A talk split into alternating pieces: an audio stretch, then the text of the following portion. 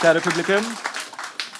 Kjære publikum, både her i rommet og ved radioapparatene hjemme. Velkommen til arrangementet Kultur i Kalmarunionen 2.0.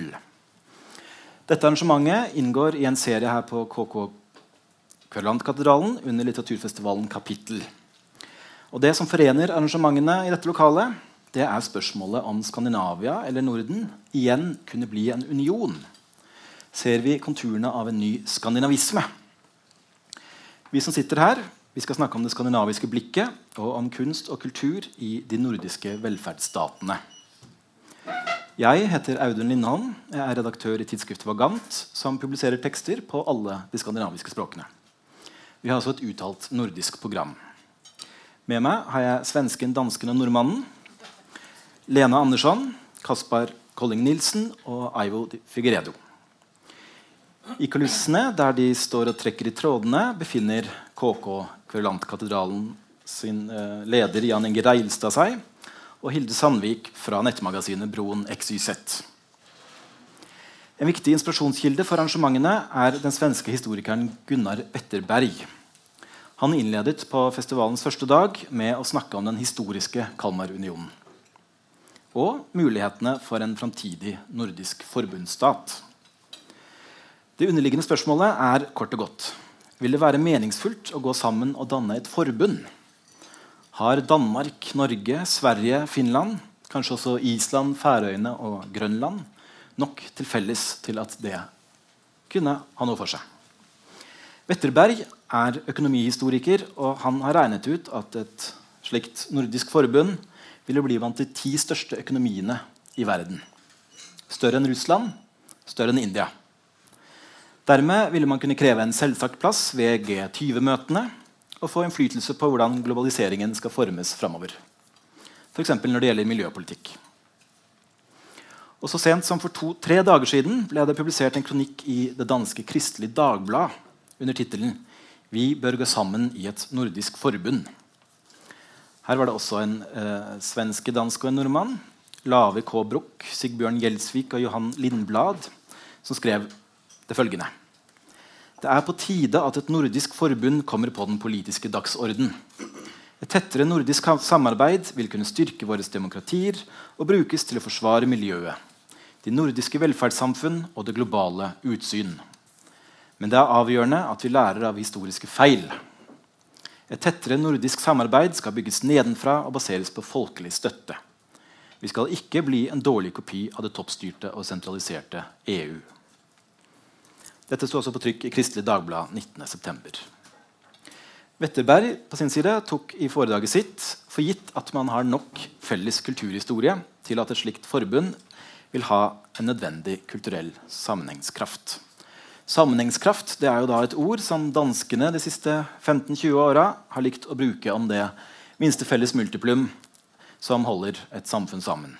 Felles verdier, delte kulturelle referanser osv.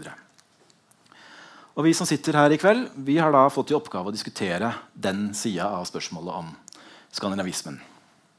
Er det mer som forener oss, enn som adskiller oss? Er det overhodet mulig for oss å snakke sammen? Wetterberg sa jo mer nordiske vi er, desto rikere blir kulturene våre. Men hva betyr dette? Hva er kulturene våre? Kultur er jo et lumsk begrep som kan bety alt og ingenting. Det brukes og misbrukes i uh, mange debatter nå om dagen. Vi snakker om kulturlivet, men mange kunstnere er opptatt av alt annet enn forening og fellesskap og sammenhengskraft. De kan f.eks. hevde at kunstens rolle er å være revolusjonær, å være rusk i maskineriet, å stille spørsmål ved vedtatte sannheter, eller å være kritisk til mytene som holder fellesskapet sammen. Så nå er jeg spent på hva vårt panel tenker om alt dette. Panelet består av Lena Andersson, romanforfatter og kronikkforfatter i Dagens Nyheter. Mange har lest romanene om Ester Nilsson. Den første av dem, 'Rettsstridig forføyning', ble tildelt Augustpriset i 2013. Eh, og hun har nylig fått utgitt to bøker på norsk.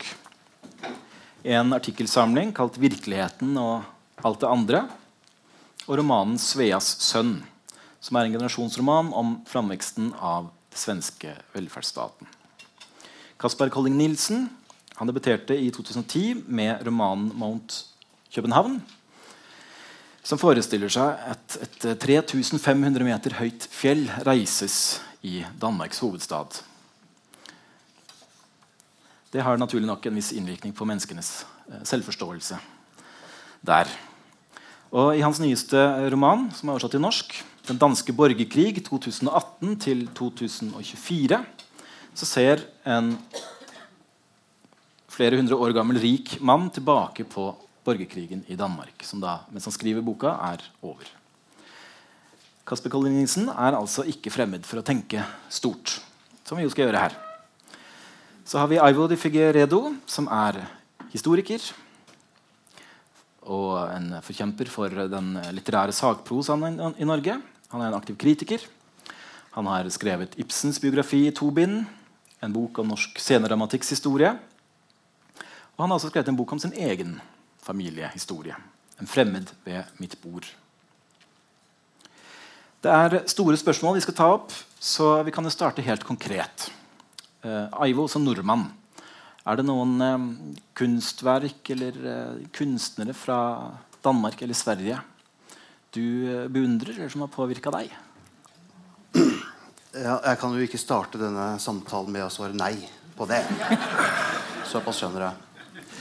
Ja, Hvis jeg da skal velge Og jeg kan jo ikke da skryte på meg å ha veldig stor innsikt. Det er jo et tema i seg selv at man ikke alltid har det. Uh, men for meg valget er enkelt. Det må bli Lars von Trier i Danmark. Uh, og det kunne vært Bergman i Sverige, men, men det blir liksom litt gammelt, så jeg, da velger jeg meg Ruben Østlund.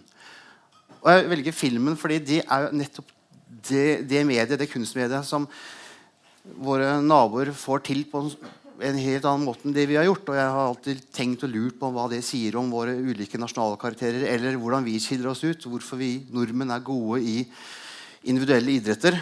Men når det kommer til eh, disipliner som krever organisering, eh, lagarbeid, så er det noe som skjer. Da får ikke disse geniene vekstrom. Nå har jeg fornærma hele Film-Norge, og det blir nok verre utover kvelden. Og de enerne de har jo en viss teltstangeffekt. De høyner taket for alle sammen. Ja. Og Jeg har ikke noe svar på hvorfor det er sånn, så det kan jeg få, kanskje få forklart. Men det er noe, alt noe som sikkert ikke bare har slått meg. Det er bare noen få dager siden jeg snakket med en danske som skrøt av norsk filmkultur og sa at den var så mye bedre enn en den danske, eh, med referanse til eh, en annen Trier. Joakim Trier. Så det er noe i bevegelse i Norge også. Ikke lokk meg utpå. Eh, Lena Andersson, ja. er det noen eh, norske forfattere du eh, eh ser til for inspirasjon? Eller danske? Ja. Eh, uten att ha lest mer än en bok av Hamsun så skulle jeg si at jeg kjenner at han ändå... at jeg kommer å lese honom en dag og kommer tycka at han er den største. Eh, jeg har bare lest Sve eh, Sult og det var lenge siden. Men den tyckte jeg var bra. Og så eh, har jeg person min, en person i min nærhet som har lest alt på norska. Det... Så jag vet att det är jättebra. Eh, och att det finns mycket att lära sig där. Så jag säger Hamsun då.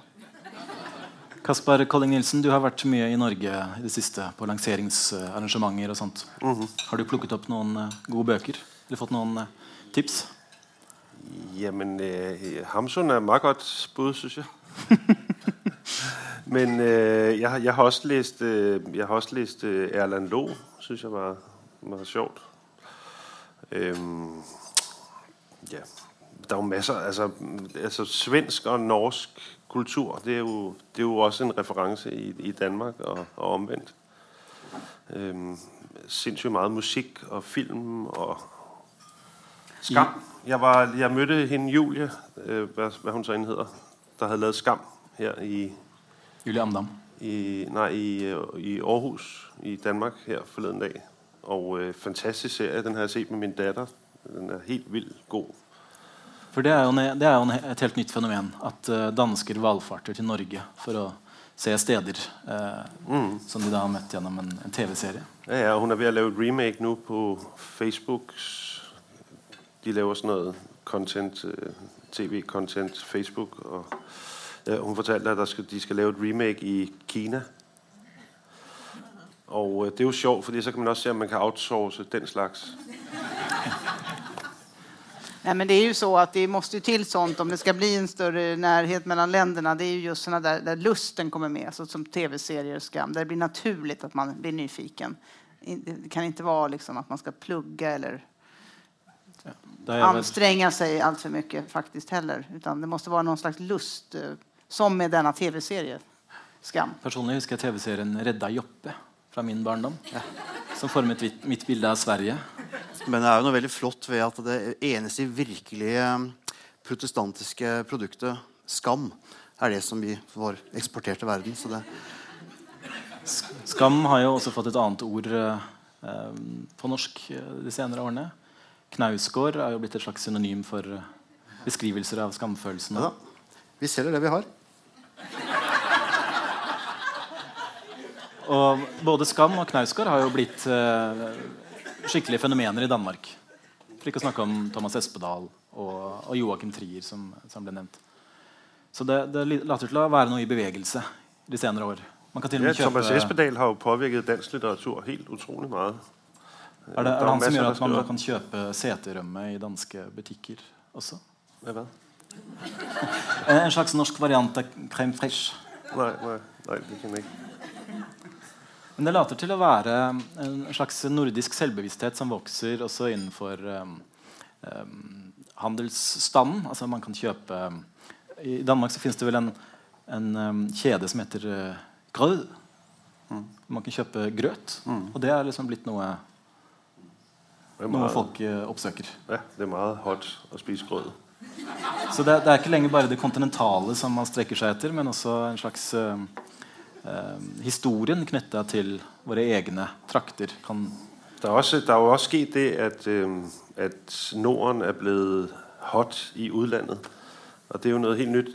Da jeg debuterte som forfatter i 2008, der var det, øh, der var det bare virkelig dårligt at komme fra Danmark og prøve at blive oversat til fransk eller tysk. Man blev betragtet som en, en, øh, en der kom fra udkantsverden.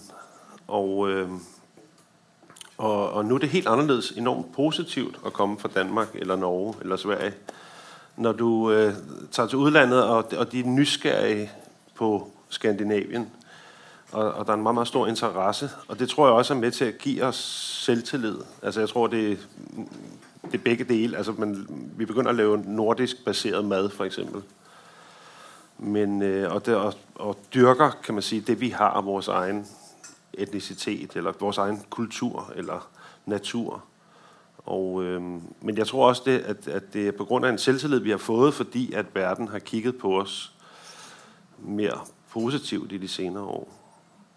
Det var meget svært som forfatter at blive, dansk forfatter at blive oversat for 10 år siden. Det, det, det, nu det, det bedste, du kan komme fra, det, det er Danmark eller Norge eller Sverige. Men man har jo lenge snakket om den, eh, den nordiske velferdsmodellen, som har, eh, er veldig mange politikere og statsvitere som har sett misunnelig på hva man har fått til. Kan jeg bare skyte inn til det før du går videre? Um, jeg bare sitter og tenker på uh, litt historisk, så tror jeg det er uh, iallfall i det jeg holdt på å si germanske området um, en slags syklisk veksling mellom uh, det nasjonale, altså det globale eh, som, Altså det kosmopolitiske moderne, det nasjonale og det regionale. Altså det regionale har jo hatt sin har kommet opp fra 1800-tallet i ulike faser.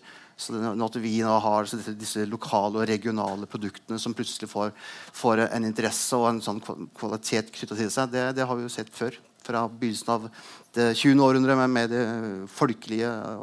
Sverige hadde vel kunst, hadde vel kunsten også noen regional karakter. 1800-tallet, tysk teater vet jeg det hadde sånne ja, Så det, det kommer og går. Så Spenningen mellom det moderne, og det kosmopolitiske og det nasjonale og det regionale, det, det går i bølger. Så Wagner idealiserte det nordiske. Og Ja, jeg, hadde en jeg synes Når jeg sier det, det germanske, så er jeg i språkbruken fra 1800-tallet allerede. Altså Det germanske fellesskapet. Det er ikke så ofte vi snakker om det. strengt tatt Men ja. Det havna jo i diskreditt eh, etter Ja. andre verdenskrig, man kunne si. Um, men det er kanskje det at noe av skammen uh, forbundet med hvordan det, det nordiske lot seg misbruke uh, av symbo altså symboler og historie. At den er i ferd med å forta seg litt. Ja, Vi har aldri klart å gjenerobre den uh, utenom black metal-sjangeren, som er en subsjanger. Så det er jo interessant. Men som i Norge slipper til på den nasjonale opera og billett og ambassaden ambassadene rundt om. Det, det, ville vel ikke kunne skjedd i Sverige. At uh, en, uh, en uh, musikalsk subkultur som black metal ble utnytta som eksportvare for å profilere Sverige i utlandet? Jo, om den var feministisk, skulle allting gå. Da går allting. Feministisk kirkebrenning, ville det ha gitt noen reaksjoner? Det går sikkert å ordne. Eh, men jeg Jeg tror ikke på, på det her eh, prosjektet som Gunnar Wetterberg tror på.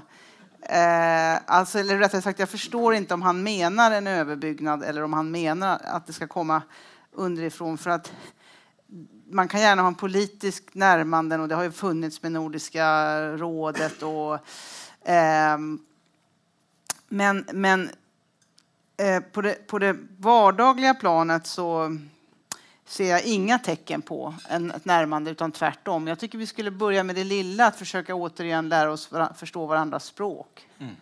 Alltså där har vi gått tillbaka. Det, vi pratar ju då idag engelska mellan svenskar och danskar, vilket ju är sorgligt. Det tycker ju alla är sorgligt. Vi lot ju en chans gå fra oss eh, på, i, i TVs gullalder. Eh, ja, ja. I, i, I, min familie så fikk vi være med på en prøveordning helt fra slutten av 60-tallet. Og det er sikkert mange nordmenn som var der, som vi fikk, at vi fikk svensk TV. Så jeg vokste opp med svensk barne-TV, og det har jo betydd utrolig mye. Jeg har vært helt fortrolig med Trasan Apansson. Enda når jeg skriver mail til ungene mine, så avslutter jeg med 'goodbyes'. Det har jeg for Trasan og Banarene. Og Drutten og Jena, og, og selvfølgelig hele den uh, store, fantastiske uh, barnekulturen som Sverige utvikla. Og det er jo veldig synd at man ikke Nå er jo den æraen over. Men dere skriver jo bøker, og man kunne jo sett for seg et felles uh, skandinavisk bokmarked. Mm. Eh, siden vi befinner oss i Stavanger, så kan jeg jo nevne Pelikanen forlag, som holder til her. Som eh, tok et initiativ sammen med det danske forlaget Gladiator, hvor de begynte å utgi hverandres bøker på originalspråk uten å oversette dem. Og Da sendte de ut en pressemelding hvor de skrev at eh, vi tror på muligheten for et felles bokmarked og for en felles litterær offentlighet i Skandinavia.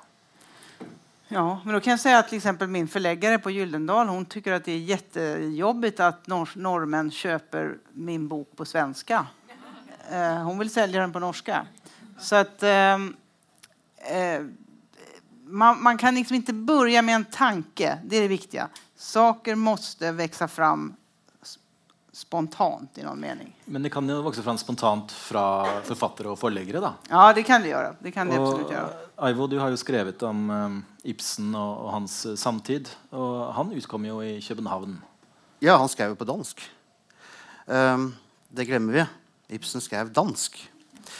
Så det Ja, nei, altså uh, det, det, var, det, var, en lærer var, som, som, skrev i en kommentar i Informasjon eller Politikken i, i Danmark uh, om Skam-suksessen at hun hadde nå uh, elever som ble veldig interessert i Norge, men hun trodde fortsatt ikke at hun kunne få dem til å lese Ibsen på originalspråket. Nei, nei men, men Hun hadde tydeligvis glemt at det var dansk. NRK P2 sender aktuelle debatter fra ulike scener i landet. Du hører Debatt i P2. Det er klart, men det er jo også modernisert. Hvis du leser Per Gynt i førsteutgaven, så vil, vil, det være tungt for noen og enhver. Uh, men uh, vi, vi, altså vi, før vi begynner å etterlyse ting som vi allerede har, så har vi en veldig sterk og fin utveksling mellom svensk og norsk litteratur. Og i litt mindre grad dansk, tror jeg. Og, og, og det, det, vil jeg vel mene å si. men jeg, jeg tar en lite forbehold. fordi altså Bokhandlere forteller meg at, at uh, tilgangen til dansk litteratur har blitt svekka. Nordli bokhandel, som er den største og har vært den viktigste bokhandelen i Oslo i så mange år, uh, tok ned sin danske avdeling. Den svenske står ennå. Så det er klart, der er det nok noe å gjøre. Men hvis jeg får ta en liten sånn, skandinavisme Vi må alltid huske på det. før vi, For Hele ideen om skandinavisme har helt fra det oppsto vel i Danmark på 1830-tallet og så spredde seg, det er en skåltale-ideologi. Altså det er en skjønn tanke som nettopp ved sitt helt urealistiske preg eh, appellerte til sånne folk som Ibsen, som var stor i ord, og ikke egentlig noen praktisk politiker. Eh, men forstått også Bjørnson. Men, men, men det, det, ligger hele altså, For det første så er ideen om det skandinaviske fellesskap sprunget ut av nasjonalismen. Det nasjonale ligger der så Det er en utvidelse av det nasjonale. Det forutsetter alltid det nasjonale. Uh, og, men det er fordi da, som var i, nasjonalromantikkens periode uh, uh, var redd for at det skulle bli for solipsistisk, for innadvendt, for, for Ivar Aasensk. så var man opptatt av å ikke miste kontakten med det store europeiske fellesskapet. Og da er skandinavismen og, en, altså, og, og det germanismen, pangermanismen som altså sånne konsentriske sirkler. Så, uh, men ser du på debatten Akkurat nå holder jeg på for jeg holdt på å skrive en biografi om Munch, og nå leser jeg en veldig fin avhandling om norsk kunstkritikkes historie.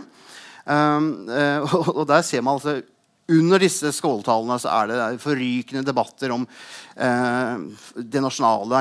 Kolonilandet i Norge opp mot Danmark. Masse konflikter. Og Ibsen skrev Høyest i Norden sto en kjempeek. altså det, det opprinnelige norrøne en eik i Norge som spredde sine grener. Men så kommer danskene og sier at nei, den sto da selvfølgelig i Danmark. Og svenskene nei, den sto da vitterlig i Sverige.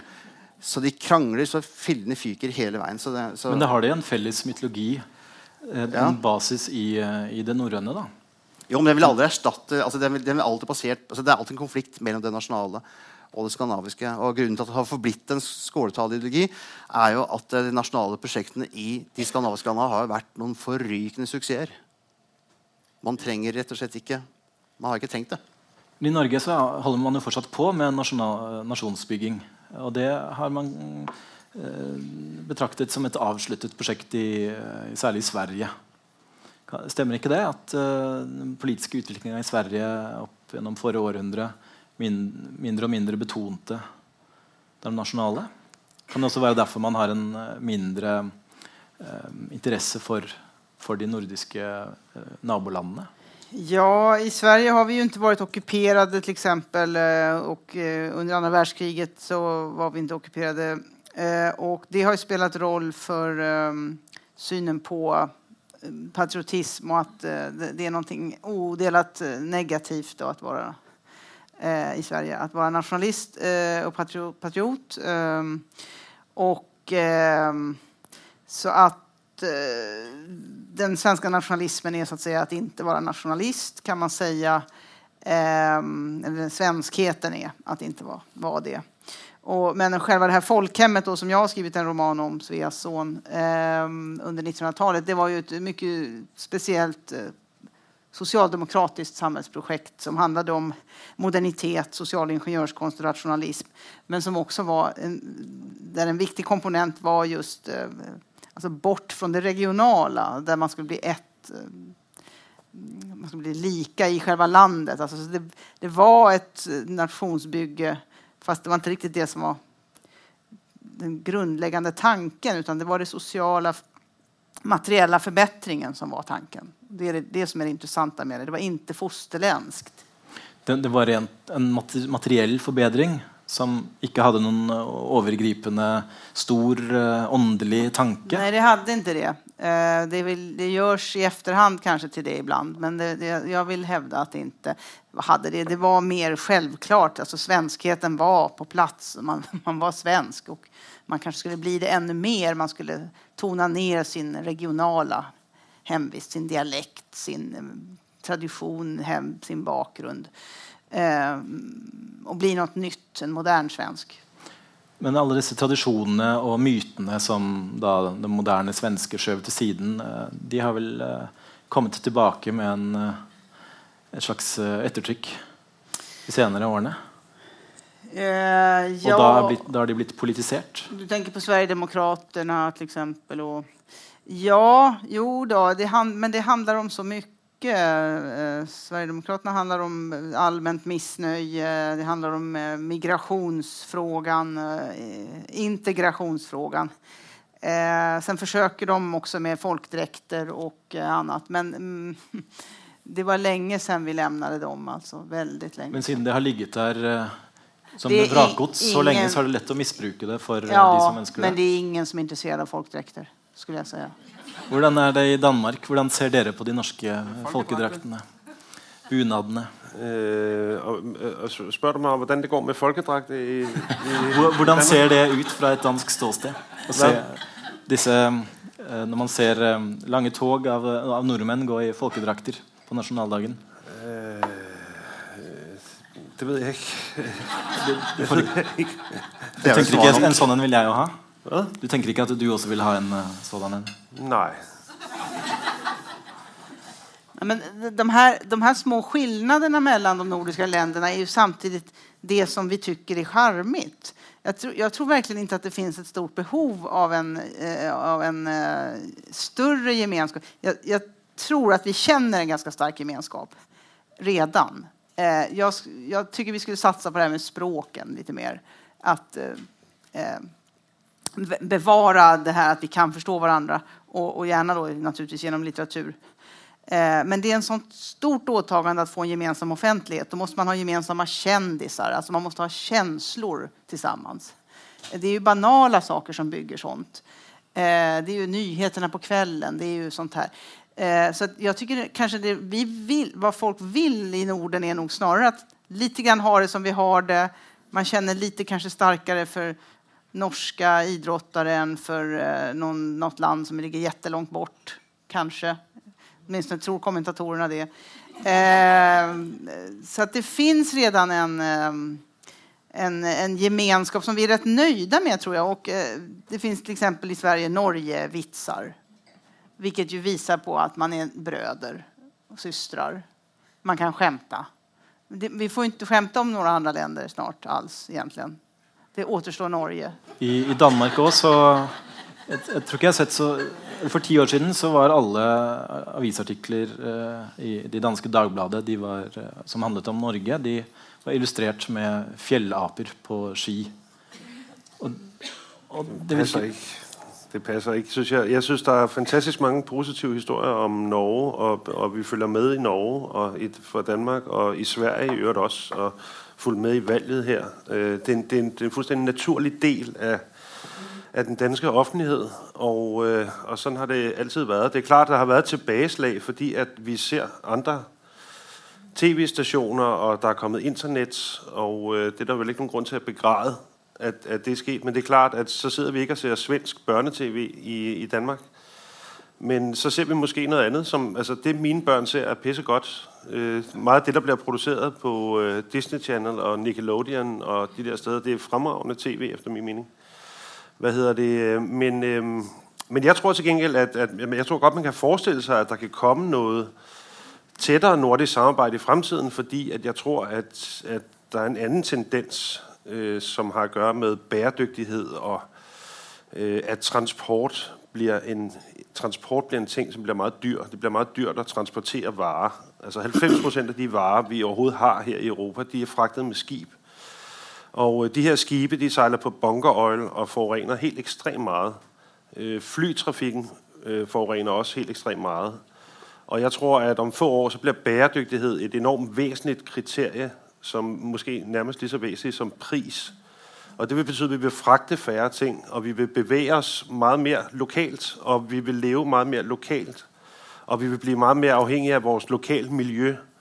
Og, øh, og heriblandt kan man sagtens forestille sig, at der vil komme en meget tættere integration, altså regionalt i Tyskland, i det hele taget i Europa, men også mellem Danmark og, og Norge og Sverige. Altså det, det tror jeg er, jeg tror, at globaliseringen på den måde kommer til at stoppe i forhold til varer. Så vil globaliseringen jo stadig findes på nettet.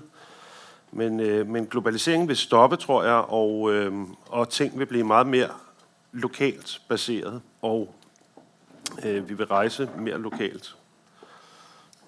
Hva tenker du Jeg om syns vi må komplisere det litt her.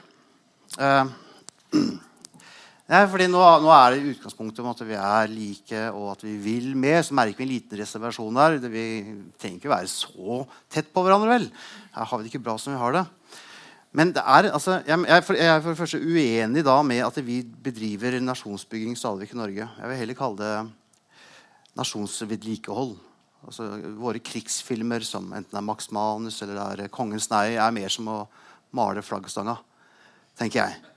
Så det er, det er noe veldig arkaisk ved det, men, eh, men det, det, tjener vel en funksjon.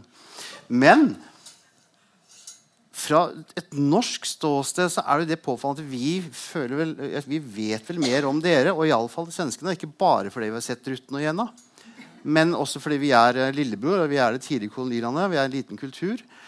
Uh, uh, og har av gode grunner ventet Så mye av vår velferdsmodell og egentlig alt svenskene fant på, det har vi plukka opp og fulgt med. Som et større og mer avansert samfunn. Uh, men for meg Og så de siste åra har vi fått en veldig følelse av at nei, vi er jo helt ulike. Vi går jo hver vår vei i disse store, uh, betente temaene. Uh, og det første gang jeg, det, det, gikk opp for meg altså Vi er like, men vi er altså, det, altså vi er like. Uh, vi har like velferdssystemer og et likt politisk system, men vi er ulike når vi ser på historien vår. Og det er på en måte et lite mysterium hvordan så tre, to tidligere imperiemakter og koloni, et koloniland med helt ulik topografi Eh, og bosettingsmønster. Danmark klassisk med landsbyer og et føydalt samfunn. Norge med grisgrendte, egalitære, spredde altså Det er så store forskjeller. likevel ender vi opp. Jeg, jeg, har ikke svaret på det, men jeg har jo lest sånne teorier som det handler om klima pluss protestantisme pluss kapitalisme gir noe i retning av Men det blir litt spekulativt. Men to, var det 2013 at uh, Ali Esbati og Henrik Arnstad gikk til frontalangrep på den norske nasjonalfeiringa og med, med, med, utgangspunkt i uh, den britiske fascismeforskeren Roger Griffins uh, fascismedefinisjon, fant ut at uh, Norge var på full fart mot, på, vei, altså på vei mot fascismen. Og da var det jo alle altså, nordmenn Hva? Hva?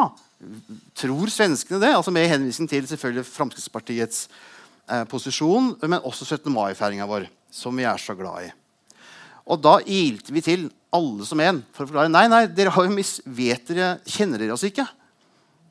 Um, og det var, det var, en sånn liten opp, sånn, sånn, det første jeg kan huske. at det, yes, her er det store eh, forskjeller i hvordan vi ser på hverandre. Og alle som har reist til Sverige eh, Første gangene merker at det, de vet jo faktisk ikke så mye om oss som vi vet om dem. Det tror jeg er en veldig norsk eh, erfaring. Ja. Men var det bare 17 maj-firandet og, og, det her andre som var fascistisk? For det kreves jo mer for at det skal kalles fascism. Ikke nødvendigvis for Henrik Arnstad. Nei, jeg vet. Eh, men eh, for det der er jo typisk for så att säga avkoloniserade länder. At man firar, at man blir ett, en kropp i vissa lägen og er veldig medveten om sin grupp og sin nation og gjerne litt ren, rent også ska det vara. Och man firar en sånn här av, själv. Så det jo, det er jo typisk snarere for det postkoloniale prosjektet. Ja, Svaret er jo, er jo litt, sånn, litt, litt, sånn, bittert at dette skal komme fra svenskene, da, som, som, da nettopp er årsaken eh, til eh, dette her. Fordi i Norge, så, så, som man vet, eh, så var jo eliten og regjeringa så lenge vi var i union med Sverige, de var lojale mot kungen. Altså, de var lojale mot uh, det svenske eh, uh, overherredømmet i broderskapet. Så, så, nasjonalismen i dens blømingstid ble aldri en ressurs for høyresida. Altså det ble da motkulturens og venstresidas I, Norge, I Norge så trykker jo avisa Klassekampen uh, dikt av våre nasjonalskalder. Ja, 16. mai. Så vi har en annen nasjonal, nasjonalitetshistorie, og det visste ikke våre tidligere herrer. Ah. Og så bruker de det mot oss. Det fins en fins en finsk eh, eh, nordenforsker som heter Johan Strang. Og han eh, har redigert en bok hvor han i forordet skriver at det finnes ulike motstridende ideer om hva som kjennetegner den, nord den, nordiske egenarten. Og da sier han at det finnes et venstreorientert Norden som sikter seg inn mot sosial utjevning. det vi kaller velferdsstaten. Og så finnes det et progressivt Norden som går i bresjen for miljøvern og feminisme og den typen eh, ideer. Og så har man et nynasjonalistisk Norden som eh, vender tilbake til ideer om folkeslag og eh, sånn felles historisk opphav. og sånt noe. Og den, denne siste formen for, eh, for eh, nordisme eller nasjonsforståelse står jo veldig lavt i kurs i, i Sverige. Mens i Norge så er den kanskje men inngått en fusjon da, med det progressive. Ja, men det jevner seg jo ut. det, altså, Som jeg ser akkurat da, er det en veldig underlig bilde. Selv for Norge så har vi denne, dette nasjonsvedlikeholdet som fyller opp kinosalene eh, eller OL-stadiet, og som har en sånn eh, allmenn sammenbindende effekt. Eh, men som ikke appellerer så veldig mye til eh, kulturfolket og til det urbane. og alt dette her. Eh, men så har du liksom to varianter på hver sin ytterkant. altså De ytre høyre reproduserer liksom, disse gullaldermytene og disse sånn, klisjéfylte eh, bildene som jo egentlig sletter ut det særegne. For det blir, jo, det blir jo noe som kunne passe nesten hvor som helst. Alle nasjoner har samme gullaldermyte. Ja, ikke sant? Det blir noen uh, urmyter og det blir noen, uh, noen, noen verdier som ære. Og, og, og, og, det er jo egentlig noe som utjevner. Og så går du på det ytterste venstre i den identitetspolitiske retninga, så får du også en utvisking. For da blir jo skillet mellom uh, i, i, verden, for å si det litt enkelt, men det er det jo mange som gjør det så enkelt. På den ene sida en klynge med ulike etniske og religiøse og, eller etniske og seksuelle minoriteter, og så på den andre sida en stor, hvit, vestlig vegg med skjegg. Og da blir vi alle det samme. Altså, og, og siste, Nordmenn blir også en del av en imperialistisk makt. og vi blir, så, så forestillingen om det særegne viskes måte, ut i, i, begge ytterkanter av det politiske feltet. Aivo nevnte de norske filmene om krigen. I Danmark så har man jo hatt uh, 'Flammen og, Flammen og sitronen', mm. som, mer, uh, som, viser mer skyggesiden av, uh, av, hva som skjedde under krigen. Mm. Eh, er det en, eh, en, generell tendens i Danmark til at man kan behandle historiske temaer på en ikke-glorifiserende måte? En, en, måte som går bak mytene? Ikke så mye, syns jeg. Altså, vi, altså, sannheten er jo at vi, jo, vi samarbeidet jo med, med Nazi-Tyskland, og vi gav Vi solgte 80 av våre landbruksprodukter til, til Nazi-Tyskland. Og øh, og det var egentlig tilfeldigt, at vi blev, ikke blev bombet efter 2. verdenskrig av af englænderne. Øh, men alligevel så blev vi ved med at fortælle historier om vores heroiske modstandskamp mod øh, tyskerne. Og det, det, det, det, har man, det, det har jeg ikke, øh, jeg har ikke altså, det bliver diskuteret i bøger og i litteratur, men, men sådan i, i, inden for sådan bredere øh, kultur, der, der, der er det stadig, hovedhistorien er stadig, at vi havde en meget stærk modstandsbevægelse. Øhm, men, men det havde vi ikke. Altså, vi, vi var et samarbejdsland. Øh, vi kæmpede overhovedet ikke mod tyskerne. tyskerne. Så, øhm, så det, det, det, det, det tror jeg stadig er litt svært. Her er vi også ved skam. Hva, hva skjedde etter andre verdenskrig? Det var jo planer om en en forsvarsunion mellom de nordiske landene. Og så valgte noen av oss Nato, mens andre forble nøytrale. Var det en mulighet som uh, glapp, Aivo? Ja, uh, jeg har ikke noe sånn altså, Jeg er jo historiker, så jeg skal i prinsippet vite alt som har skjedd før nå. Nettopp. Det gjør jeg ikke, så jeg har ikke noe spesielt tyngde der. uh, nei, altså sånn, Generelt så tenker jeg at det må være et utslag av at disse nasjonsbyggingsprosjektene har vært vellykka eh, hele veien. Så, så, så, du får ingen altså Det er en grunn til at ikke du får disse eh, kryss-skandinaviske samarbeidene. Det er jo fordi at man, det fungerer bra som det er, og de forskjellene som er, de, de, man, altså de, de blir førende da. Og, og, dette er en periode hvor, hvor alt, hele velferdsstatsprosjektet er jo båret oppe av en faktisk økonomisk vekst. Det må vi alltid huske på. Det, det var jo aldri testa. Um, så, så, det var jo en periode med med, med, med, en helt unik trygghet. Jeg har tenkt mye på det her når jeg prøver, å forstå disse her litt sånn krakilske og voldsomme bevegelsene som plutselig vi nå ser i, i, i vårt uh, rolige hjørne av verden. Jeg tenkte at det, Perioden fra 1945 til ja, skal vi si 2000, at ja, ja, murens fall, 1990-91 Kanskje vi kan se på det som kaller mellomkrisetida som er forut så kommer da en slags normaltilstand som er vekslende kriser og usikre samfunnssystemer. Og i fall følelsen av at det samme er i ferd med å skje nå, er det vel mange som vil ha. Men i den perioden hvor vi har vokst opp, så har det vært en helt unik eh, ro. altså selvfølgelig sørga for av en jevn økonomisk vekst. eh, et, eh, et, eh, et, eh, en kald krig som holder de varme krigene utenfor vårt område. Og i denne, denne perioden så har, så har vi holdt fram som vi har stevna, og utvikla en veldig sånn type ideologi som, som, bekrefter det vi får til. Og, og, og, men enda pussigere en voldsomt engasjement for resten av verden. Men som hele tida har vært teoretisk. Eh, enhver Vietnamkrig-demonstrasjon, enhver ethvert engasjement i den ytre verden har i, i Skandinavia vært, uh, vært, kun vært begrunna i ro og fred av en eller annen samfunnsvitenskapelig teori. Full kontroll. Fordi vi aldri har hatt disse konfliktene gnissende innpå oss.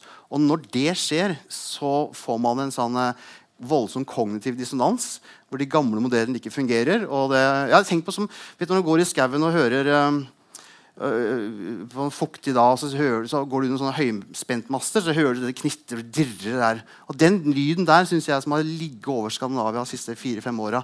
Lyden av venstresidas kognitive dissonans. NRK P2 sender aktuelle debatter fra ulike scener i landet. Du hører Debatt i P2. Eh, vi har jo kommet i berøring med verden utenfor i en periode hvor Danmark og Norge har hatt generalsekretærene i eh, Nato.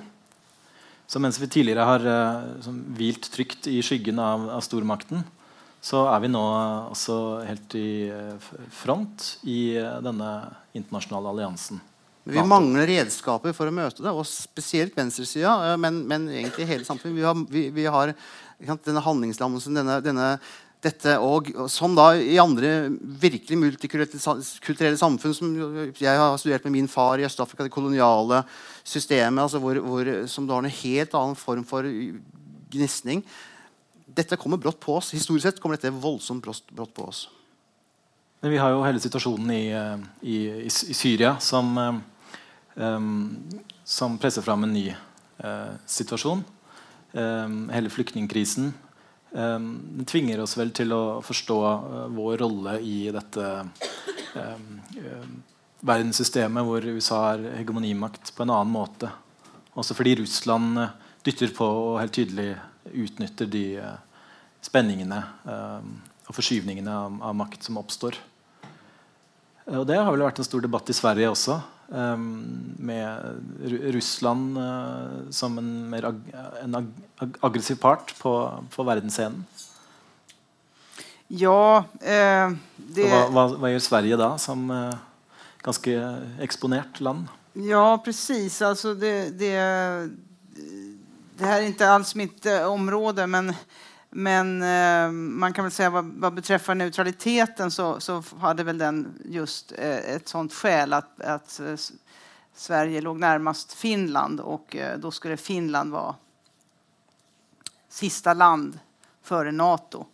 Eh, eller mot NATO, inklämt då mellan Sovjetunionen och Nato. Och det, då ville man av hänsyn till Finland inte, inte göra det.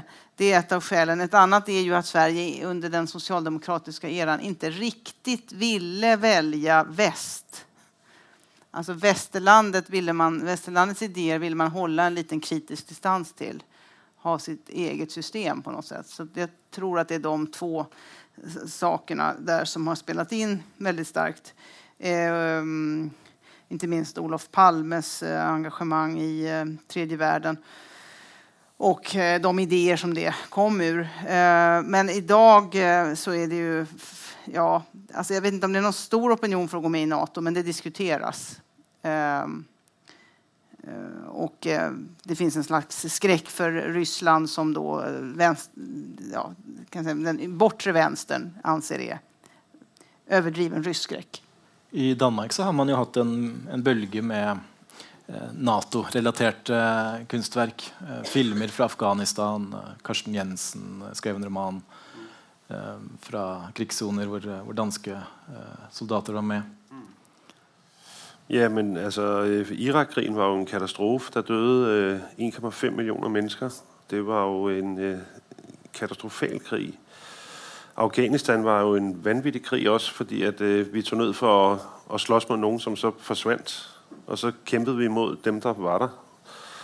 Dem, der var tilbake. Og øh, fullstendig vanvittig krig også. Og, øh, og, det skjedde på danskenes vakt, så å si.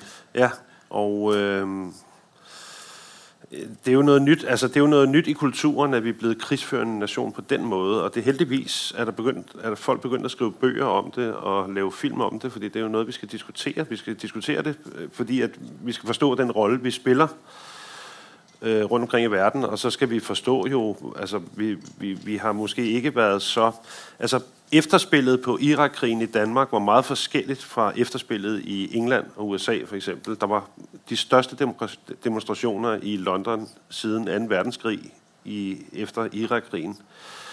Og øh, Tony Blair måtte gå af, og George Bush var historisk upopulær, den mest upopulære præsident nogensinde. I Danmark var der ingenting. Og Anders Fogh, han var en av de mest populære statsministre, vi har hatt. Det er først de senere år, der begynte å komme sånn en kritikk. og det tror jeg har hengt sammen med, at vi, vi ikke har vært vant til, vi har ikke vært vant til å være krigsførende nation. Vi har ikke vært vant til å forstå, øh, hva, hvor alvorlig det egentlig er, øh, det vi har vært engageret i. Altså, halvannen million mennesker. Det er helt sindssygt å, å, å forestille seg at vi har vært med til at vi har ikke slået halvannen million ihjel, men der er død halvannen million i krigen, og så den efterfølgende borgerkrig. Og det, at vi har spillet en, en rolle der, er jo, er jo helt ufattelig tragisk. Har du sett noen uh, utslag av, uh, av disse hendelsene i norsk selvforståelse? Eivo? Uh, nei, jeg, jeg, jeg, tror det er en del av den kognitive dissonansen. At vi har ikke helt redskap for å håndtere det. Uh, og det er skrevet uh, Jeg anmeldte alle Afghanistan-bøkene på rekke og rad. Samtlige var skrevet av journalister. Ingen av akademikere. Så jeg, jeg håper de kommer etter hvert, som kan gi grundigere studier av dette her. Nå har vi Libya-krigen, som er det, det hotteste. og der er det ja, vi, det skal bli veldig spennende å, å se på det. hvordan den saken følges opp. Men vi, vi er jo snakker om kultur, skal vi ikke det? og da tenker jeg på at det, det, som var virkelig gullalderen, og som måtte ha etablert tror jeg, veldig mye av den ideen om hva det vil si å være, være kunstner og forfatter i Skandinavia, er jo da ja, den gullalderen som var den kulturradikale uh, perioden på slutten av forrige århundre. Uh, nei, det forrige og forrige århundre. Tida går. Og da, da, blandet de seg vel nettopp i tidens store stridsspørsmål? Ja, og det var de ekstremt tett på hverandre. Eh, og ikke bare i Skandinavia, men da ikke minst i eksil. Eks, eksilstedene, altså først Roma rundt 1840-, 50-, 60-åra. Så Paris og Berlin var jo skandinaviske møtesteder. Og, og, og, de spilte jo, Dette er jo poetokratiet, og det, og det var jo reelt. Det var altså de nye tankene Darwin og uh, Nietzsche altså Alt det der ble innført av, som et fellesskandinavisk prosjekt. Og det tror jeg det danna tror jeg, et, et, bilde av hva den intellektuelles eh, rolle og, og, og, forfatterens rolle skal være. Eh, og det er veldig enkelt sagt. en motstemme, en avslører, en som pirker hull på de etablerte sannheter. det forutsetter da på en måte, som man hadde den gangen, et kompakt borgerskap og et kompakt og ignorant borgerskap og en, en, en sterk stat. Uh, uh, er, men spørsmålet er da om den kulturradikale rolla fungerer i dag, hvor lederen for den frie verden heter Donald Trump.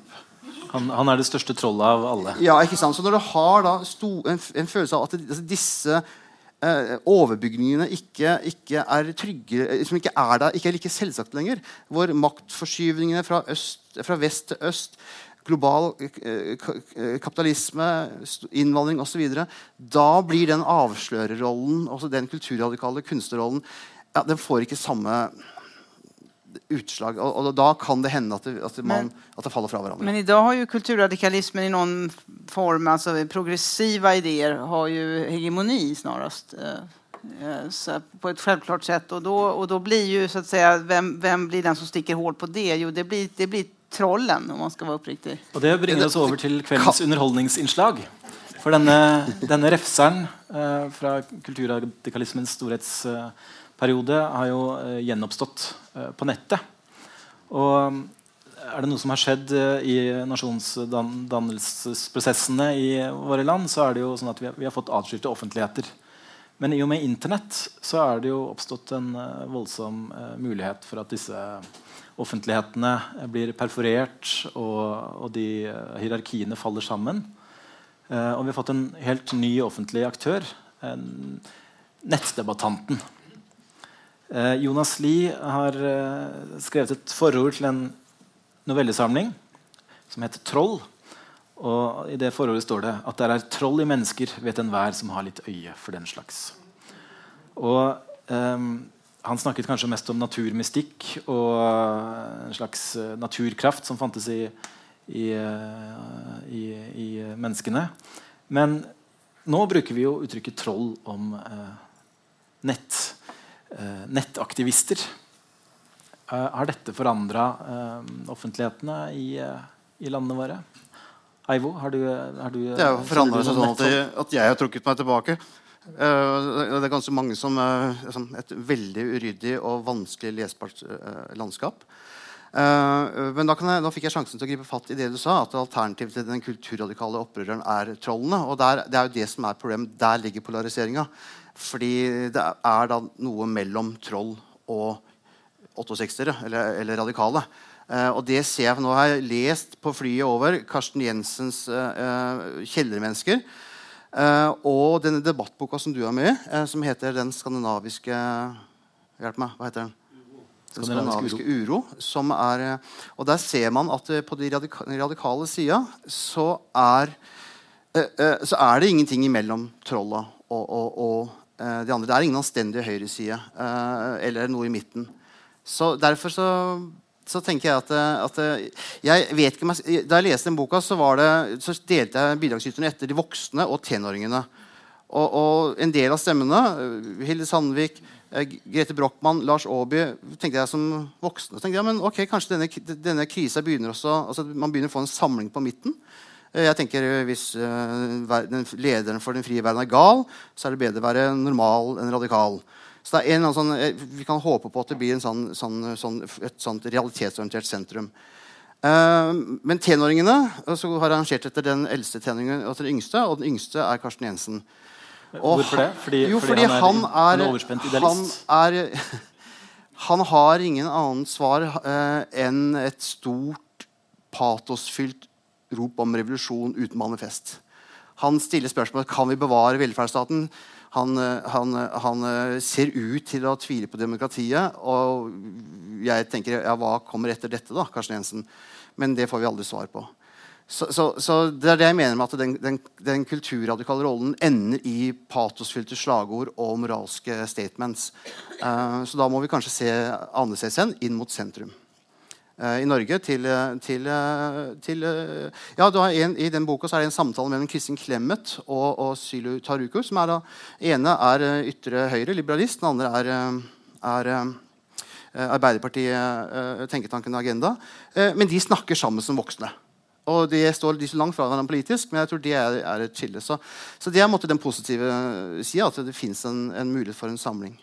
Um, det kom en bok i, i, vinter om det amerikanske alt-right. og Der uh, siteres en av bevegelsens førende skikkelser på at uh, vi er den nye motkulturen.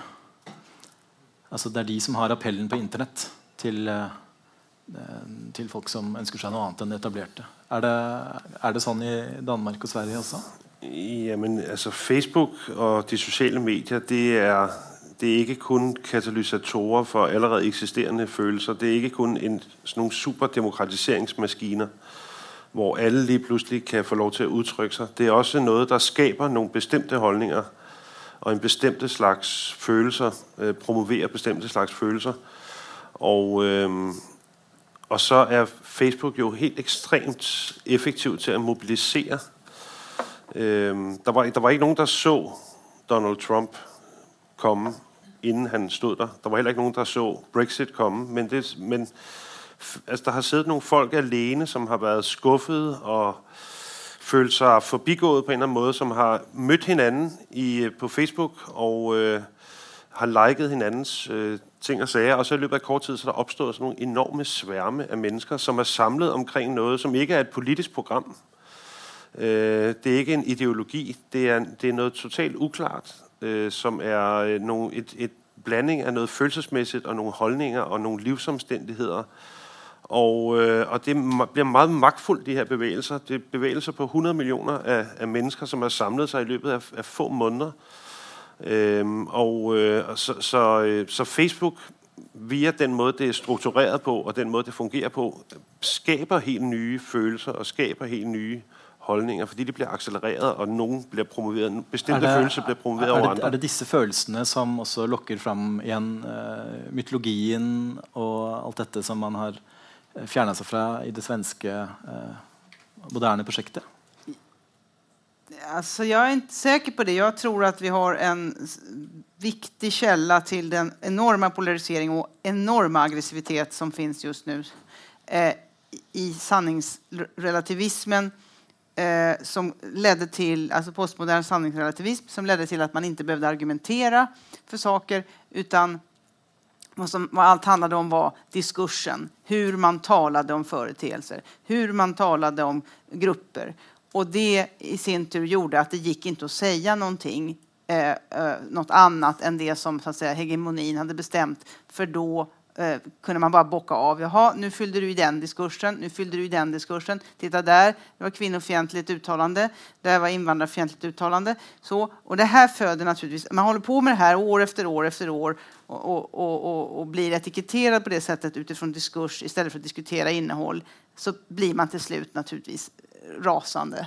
Och då blir man, jag förstår att man kan bli ett troll av det till och med. Och de som har lyst til å mot motsi den teorien, de får huke tak i sidemannen. Eh, for nå er sendinga over. Så tusen takk til dere for at dere kom.